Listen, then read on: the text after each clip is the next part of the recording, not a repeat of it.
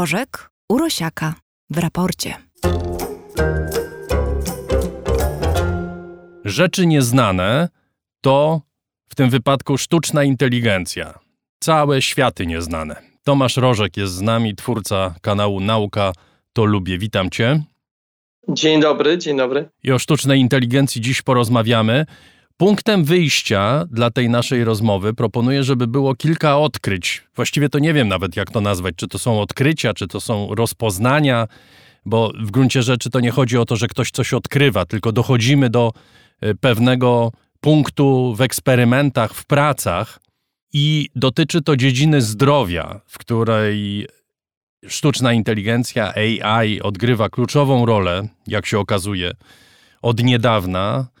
Właściwie co chwila mamy jakieś informacje, a to, że dzięki sztucznej inteligencji znacząco poprawią się możliwości przeprowadzania operacji na mózgu, na y, otwartym mózgu, a to, że łatwiej będzie leczyć impotencję wśród mężczyzn, czy kolejna wiadomość z ostatnich dni, dzięki sztucznej inteligencji łatwiej będzie identyfikować geny w naszym DNA, te geny, które powodują choroby, czy praktyczna historia sprzed kilku dni, bardzo dużej wagi wiadomość i tak mi się przynajmniej wydaje, zaraz cię poproszę o komentarz w tej sprawie, ale dosyć niezwykła, mianowicie implanty wyposażone w sztuczną inteligencję, wszczepione w mózg, mogą spowodować, że przy pomocy myśli sparaliżowany człowiek odzyskuje możliwość poruszania górnymi kończynami, czyli rękami i palcami.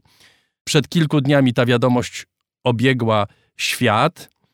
Dotyczy Szwajcara, który uległ paraliżowi. Wcześniej mieliśmy podobną informację, kiedy udało się dzięki takiemu implantowi spowodować, że człowiek zaczął ruszać nogami. To zdaje się jest mniej skomplikowane niż ruszanie palcami. Ale, tak. Tomku, jak ty to wszystko oceniasz? Znaczy, jak mamy patrzeć na tego typu wiadomości? Bo to jest, za chwilę się okaże, że w zasadzie sztuczna inteligencja jest w stanie ratować nas w niemal każdej beznadziejnej sytuacji. To taka współczesna wersja świętego Antoniego. O, tym świętym Antoni to naprawdę pojechałeś. Mm, wiesz, y, ja staram się dzielić to wszystko, co do mnie dociera w w, tym, w, tych, w tych tematach, o których, o których ty wspomniałeś, na takie y, dwie podgrupy, czy takie dwie grupy tematów. Jedne to są zapowiedzi, że sztuczna inteligencja to zrobi, albo tamto, albo dzięki sztucznej inteligencji uda się to czy tamto. To jest jak gdyby, ja się w to wczytuję, to jest bardzo ciekawe, ale to jak czytam, to y, przypomina mi się y, to, co y, często moja babcia Gertruda mówiła, która mówi: Papier jest cierpliwy, wszystko można na nim napisać. A komputer jeszcze bardziej. Ale jest jednak druga grupa wiadomości, w których nie tyle ktoś mówi, że coś się w przyszłości zadzieje, albo że potencjalnie ta technologia będzie mogła coś zrobić, tylko tu i teraz już coś zrobiła. Ja wolę oceniać potencjał technologii, czytając te drugie wiadomości niż te pierwsze. No dobrze, to z tej grupy, Tomku, którą wymieniłem, kiedy się mówi, że za dwa lata dzięki sztucznej inteligencji będziemy w stanie przeprowadzać operacje na mózgu, w których dodajmy, przy pro, przeprowadzaniu takich operacji wystarczy delikatny błąd lekarza i może człowiek umrzeć na miejscu, prawda? Delikatnie się nieprawidłowo poprowadzi skalpel i to jest kwestia milimetra i może y, to spowodować śmierć. Na mózgu chyba to tak nie działa. To bardziej na sercu tak działa, że milimetr w lewo czy w prawo i człowiek umiera. No dobrze, w każdym razie dosyć ważne funkcje człowieka mogą zostać zagrożone tak. przez błąd ludzki. Tutaj jest mowa o tym, że w ciągu dwóch lat będziemy w stanie przeprowadzać takie operacje, w którym sztuczna inteligencja po prostu nie będzie się mylić. To jest zapowiedź. A zapowiedź to ja wrzucam do tej pierwszej grupy wiadomości. Ale zapowiedzią nie jest to, o czym też zresztą wspomniałeś, operacja, którą przeprowadzono w Szwajcarii, dzięki której e, człowiek sparaliżowany zaczyna poruszać kończynami. Wcześniej to, o czym powiedziałeś, a ja wtrąciłem się niegrzecznie potwierdzając tak, e, bo wcześniej dzięki takim algorytmom, czy dzięki urządzeniu wyposażonemu w sztuczną inteligencję, osoba sparaliżowana zaczęła chodzić, normalnie się poruszać, stać pionowo, bez podtrzymywania, potrafiła utrzymać pion, potrafiła chodzić po schodach, a nawet potrafiła chodzić czy spacerować w takim trudnym terenie, gdzie czasami jest na płasko, czasami trzeba podnieść wyżej nogę, a czasami jest po skosie w dół, więc trzeba uważać, żeby gdzieś tam się nie przewrócić. Więc to są konkretne rzeczy. To, czy za dwa lata będzie mogła przeprowadzać operacje takie mega precyzyjne, no, urządzenia, które mają wsparcie już algorytmów, potrafią to robić już dzisiaj. Więc rozumiem, że za dwa lata, mam tutaj na myśli roboty chirurgiczne, w których jest oczywiście człowiek, w których jest pacjent, ale pomiędzy pacjentem a człowiekiem może być niemalże dowolna odległość. Ten ten człowiek, ten chirurg, ten lekarz nie musi być na miejscu, co samo w sobie jakby gigantycznie zwiększa e, możliwość operowania ludzi w miejscach, w których ludzi nie ma. E, nie ma specjalistów, ale są chorzy. Natomiast pomiędzy tym specjalistą, chirurgiem, a pacjentem jest urządzenie. To urządzenie to nie jest zwykłe urządzenie mechaniczne, w którym za pomocą jakichś kołowrotków, przekładni coś się dzieje w tym urządzeniu jest potężne oprogramowanie, które czasami recenzuje to, co robi lekarz. I czasami, jak robi rzecz bardzo, mm, jakby to powiedzieć, nieostrożną, na przykład przez pomyłkę, to trochę go wyhamowuje. Więc takie urządzenia już są. I takie urządzenia już działają. I te urządzenia uczą się znacznie szybciej niż człowiek, prawda? No i tu jest kwestia taka płynna, co masz na myśli mówiąc urządzenia, bo samo urządzenie, jeśli popatrzymy na e, jego mechaniczną stronę, to ono się nie uczy. Natomiast oprogramowanie tak, ono się może uczyć. No ja nie mówię, oczywiście, że nie mówię o skalpelu, który jest na samym końcu, ale mówię o tym oprogramowaniu, o tym algorytmie, tak. który jest coraz bardziej precyzyjny, który coraz mniej błędów tak. czyni na przykład dokonując operacji. Tak, tak. Znaczy, to jest oprogramowanie i to jest właśnie, to jest może moment, w którym warto by było mm, tak trochę z wyżyn na niziny sprowadzić hasło sztuczna inteligencja, bo pod tym hasłem może się kryć bardzo wiele różnych rzeczy. E, marketingowo hasło in, czy słowo inteligentne bardzo dobrze się sprzedaje, więc mamy inteligentne na przykład kurtki, które powodują, że jak pada deszcz, to nie przecieka woda, ale jak my się pocimy, to odparowuje. Tak? Więc oczywiście ktoś, kto taki materiał wyprodukuje, chętnie go sprzedaje pod hasłem inteligentny. Natomiast my mówimy o wielu różnych rzeczach, natomiast dla potrzeb tej rozmowy jeżeli mówimy o algorytmach, to ja myślę, że będziemy bardzo, bardzo precyzyjni, jeśli powiemy, że sztuczna inteligencja to są takie programy, które analizują ogromne ilości danych i potrafią z tych danych wyciągać wnioski. I to jest w tym wszystkim istotne. I jedno i drugie, czyli analiza dużych, bardzo dużych zbiorów danych, i drugie, um, umiejętność wyciągania z tego wniosków.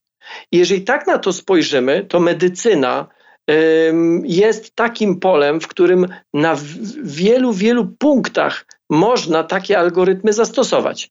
Ty wspominałeś chociażby o operacji, która powoduje, że odpowiednio oprogramowany implant wszczepiony do mózgu czy na powierzchnię mózgu, wyposażony w odpowiednie elektrody, zahaczone czy przyczepione w odpowiednich miejscach, jest w stanie spowodować, czy jest w stanie wspomóc osobę sparaliżowaną, osobę po wypadku, tak że ona staje się w dużej części sprawna. Wierzę w to, wiem, że za rok będzie jeszcze sprawniejsza, a za trzy lata będzie całkowicie być może sprawna, za trzy albo za pięć. Gdzie tu jest ta sztuczna inteligencja? Już mówię, w tym implancie w mózgu, ponieważ normalny implant, czy normalny taki bym powiedział interfejs mózg-komputer, urządzenie, które tłumaczy to, co dzieje się w naszym mózgu, na jego powierzchni, powiedzmy, na sygnał konkretny komputerowy. Największym wyzwaniem tego typu urządzeń jest odsianie szumu od istotnego sygnału i zinterpretowanie, co to znaczy istotny sygnał. Teraz potrafi to zrobić algorytm. Sam ten proces jest fascynujący, to znaczy my rzeczywiście, jak rozumiem, mamy dwa czy trzy implanty. Jeden jest w mózgu, drugi jest w miejscu, w którym rdzeń kręgowy działa, omijając całą tą y, strefę, w którym rdzeń kręgowy jest uszkodzony. Albo przerwany, albo uszkodzony, tak. Na podstawie myśli, na podstawie tego, co pacjent chce zrobić, implant wysyła informację do tego drugiego implantu, który już znajduje się w zdrowej strefie, i w ten sposób człowiek może ruszać palcem, na przykład. Tak, tak, znaczy w największym skrócie tak to działa. W największym skrócie to działa mniej więcej w ten sposób, że pomiędzy dwoma brzegami yy, rzeki, powiedzmy, jest most, i nagle dochodzi do jakiejś gigantycznej ulewy, i ten most zostaje zerwany. No i droga przestaje być drożna. Yy, w przypadku drogi ten most można odbudować, w przypadku rdzenia kręgowego, który zostaje przerwany, na razie nie potrafimy tego zrobić. Ale zanim ten most odbudujemy, ten w rdzeniu kręgowym, kiedyś się tego nauczymy.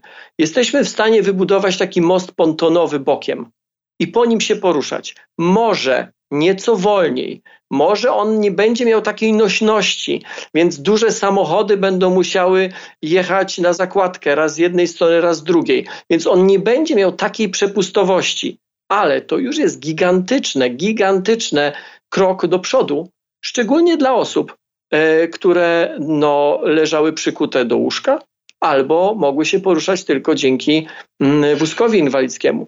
Więc taka zmiana to już jest coś, co jest po prostu niewyobrażalne. E, człowiek, który e, wymyślił, czy, czy, czy który przeprowadził tę operację w Szwajcarii, o, którym, o, o której ty wspominałeś, mm, on powiedział coś takiego w wywiadzie, który czytałem niedawno, że koncepcję takiego cyfrowego mostu e, on wymyślił dwie dekady temu, żeby sygnał z mózgu odczytać, przesłać go i właśnie zrobić takie obejście tego uszkodzonego fragmentu e, rdzenia kręgowego. Mm, tyle tylko, że dwie dekady temu nie było technologii, która to umożliwiała. Dzisiaj ta technologia już jest. Ale to jest trochę to, o czym ty wcześniej mówisz. To znaczy, my możemy sobie wymyślić, co chcemy. Prawda? Tak. I no, musi być moment, że wchodzimy w etap eksperymentów i można powiedzieć, że w większości dziedzin związanych z leczeniem przy pomocy algorytmów, przy pomocy sztucznej inteligencji, ciągle jesteśmy na etapie eksperymentów, ale ten najważniejszy etap, jak rozumiem, to będzie przejście do codziennego leczenia, to znaczy wprowadzenie tego typu działań do masowego użytku. Nie wiem, tak jak mamy antybiotyki do leczenia pewnych chorób, tak rozumiem, że w którymś momencie być może sztuczna inteligencja, te mechanizmy, o których mówimy, będą wystawiane na receptę niemalże. Jeżeli chcemy coś takiego wprowadzić, to po prostu to będzie dostępne, tak? Te rzeczy, o których ja teraz mówiłem, czyli implanty, one oczywiście dotyczą, czy implanty powodujące, czy pomagające osobom sparaliżowanym poruszać się, chodzić, normalnie funkcjonować, mm, one y, będą dotyczyły i daj Bóg, żeby dotyczyły jak najmniejszej grupy ludzi, czyli ludzi ciężko sparaliżowanych. Ale sztuczna inteligencja w medycynie to nie jest tylko to. Y, już dzisiaj musimy mieć świadomość, że istnieją i to nie eksperymentalne, tylko algorytmy, potężne algorytmy, które wyuczone na odpowiedniej e, grupie zdjęć, na odpowiednim pakiecie zdjęć, są w stanie rozpoznawać na przykład zmiany nowotworowe. I co ciekawe, robią to dużo lepiej niż najlepsi radiolodzy. Dużo lepiej. I co ciekawe, rozpoznają czy znajdują te zmiany na zdjęciach, na których najlepszy radiolog jeszcze niczego nie widzi. Jak one to robią? Pada często pytanie. Ja, ja y, mam, y, czy, czy miewam y, takie popularno-naukowe wykłady dotyczące technologii, między innymi technologii sztucznej inteligencji. I jak mówię, jak pokazuję konkretne przykłady właśnie takich algorytmów, pada pytanie, jak one to robią? I odpowiedź nie jest oczywista, bo my nie wiemy, jak one to robią. To nie jest tak, że my jesteśmy w stanie prześledzić w dużym cudzysłowie, tutaj mówię, tok myślenia tego algorytmu. Przeciwnie, jakby ich wielkość polega na tym, że żaden inżynier czy żaden informatyk nie pisze tak jak w normalnym programie linijka po linijce kod komputerowy, przez który program się później prześlizguje. Tam nie ma wprost instrukcji. To jest raczej taka czarna skrzynka, ja zresztą tej analogii często używam, czarna skrzynka, do której my wrzucamy dane. A inżynier, informatyk, tak, budują powiedzmy te ściany skrzynki, żeby one miały pewną specyfikę, żeby one e, powodowały, czy żeby ten program dawał pewne odpowiedzi.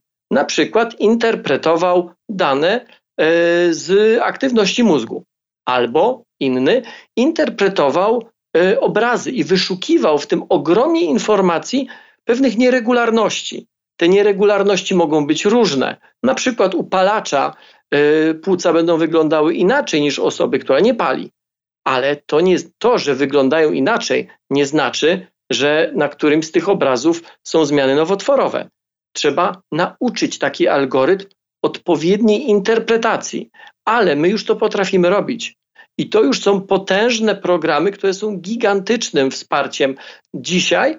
Jutro będą jeszcze większym wsparciem dla lekarza. I tych przykładów jest naprawdę bardzo dużo, ale wszystkie one sprowadzają się do tego jednego zdania, które powiedziałem wcześniej. Analiza dużych zbiorów danych i wyciąganie z nich wniosków. I nagle okazuje się, że nie tylko analiza jakich obrazów, bym powiedział, cyfrowych na zasadzie na przykład yy, zdjęcie tomograficzne albo zdjęcie z tomografu, z, z rezonansu magnetycznego, ale także na przykład ocena stanów emocjonalnych. Są takie eksperymenty i te eksperymenty są niesamowite, które pokazują, z jaką ogromną precyzją, obserwując zachowanie człowieka, na przykład jego pismo ręczne, e, algorytm jest w stanie z dużym wyprzedzeniem i z bardzo dużym prawdopodobieństwem wskazać, że w przyszłości ta osoba będzie cierpiała na którąś z chorób neurodegeneracyjnych wieku starczego. Wtedy on już to widzi, te zmiany, niewielkie zmiany, widzi wtedy, kiedy jeszcze nie występują one na tyle wyraźnie, żeby jakikolwiek lekarz mógł je zauważyć.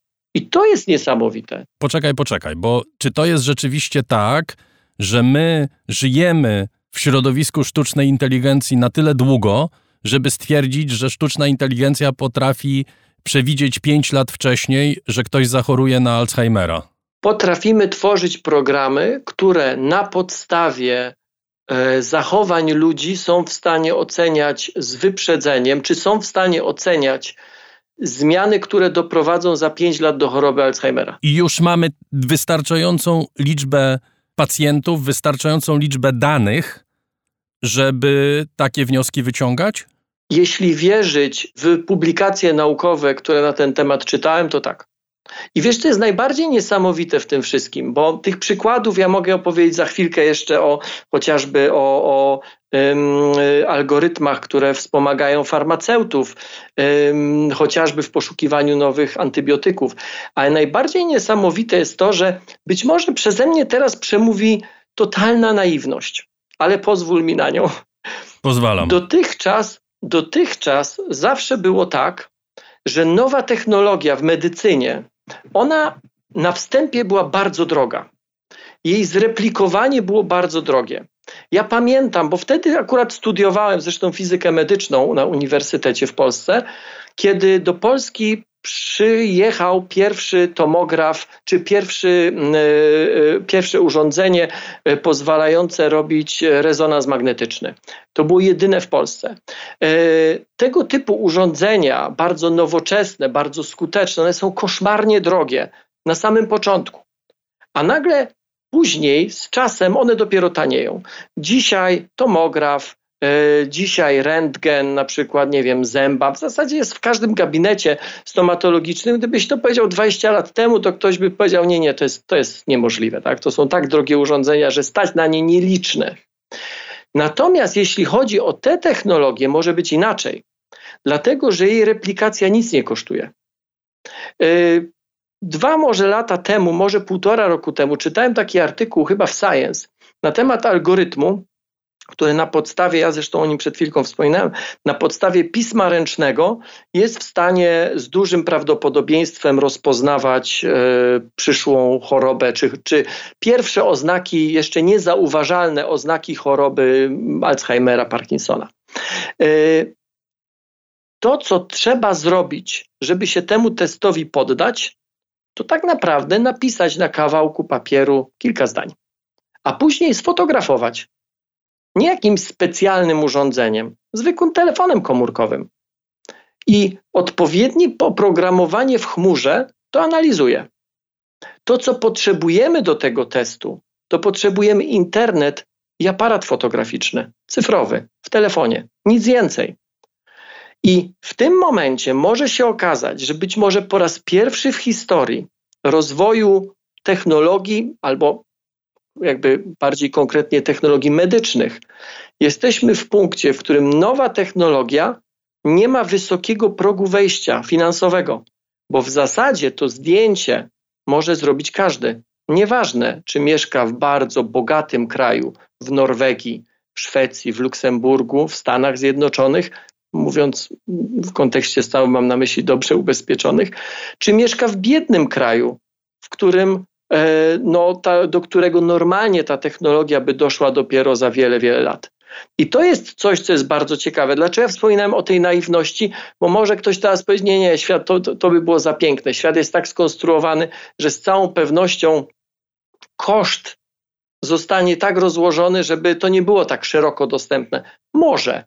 Natomiast jeżeli tak rzeczywiście się stanie, to nie z powodów obiektywnych, wysokiej ceny wybudowania jakiegoś urządzenia, bo jak my już raz napiszemy to oprogramowanie, to dostęp do niego nie generuje żadnych kosztów. I to jest bardzo pozytywna nuta, na której zakończymy naszą rozmowę, ponieważ bardzo rzadko kończymy ją optymistycznie. Tym razem tego się będziemy trzymać. Bardzo Ci dziękuję za dziś. Bardzo dziękuję. I proszę o jeszcze Tomasz Rożek, Gospodarz kanału Nauka to Lubię był gościem raportu o stanie świata i Tomasz Rożek wróci. Dziękuję Ci bardzo. Dziękuję bardzo.